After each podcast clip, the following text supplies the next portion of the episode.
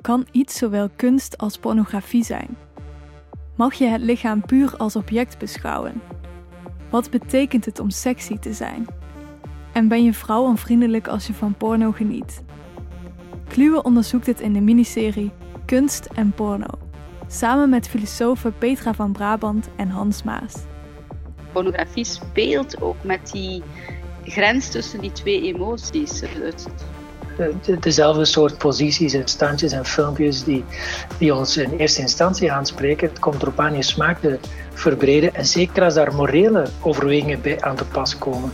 Heel specifiek in onze westerse kunstgeschiedenis hebben we de traditie van het vrouwelijk naakt.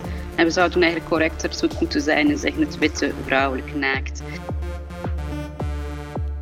Binnenkort bij Kluwe, de miniserie Kunst en Porno.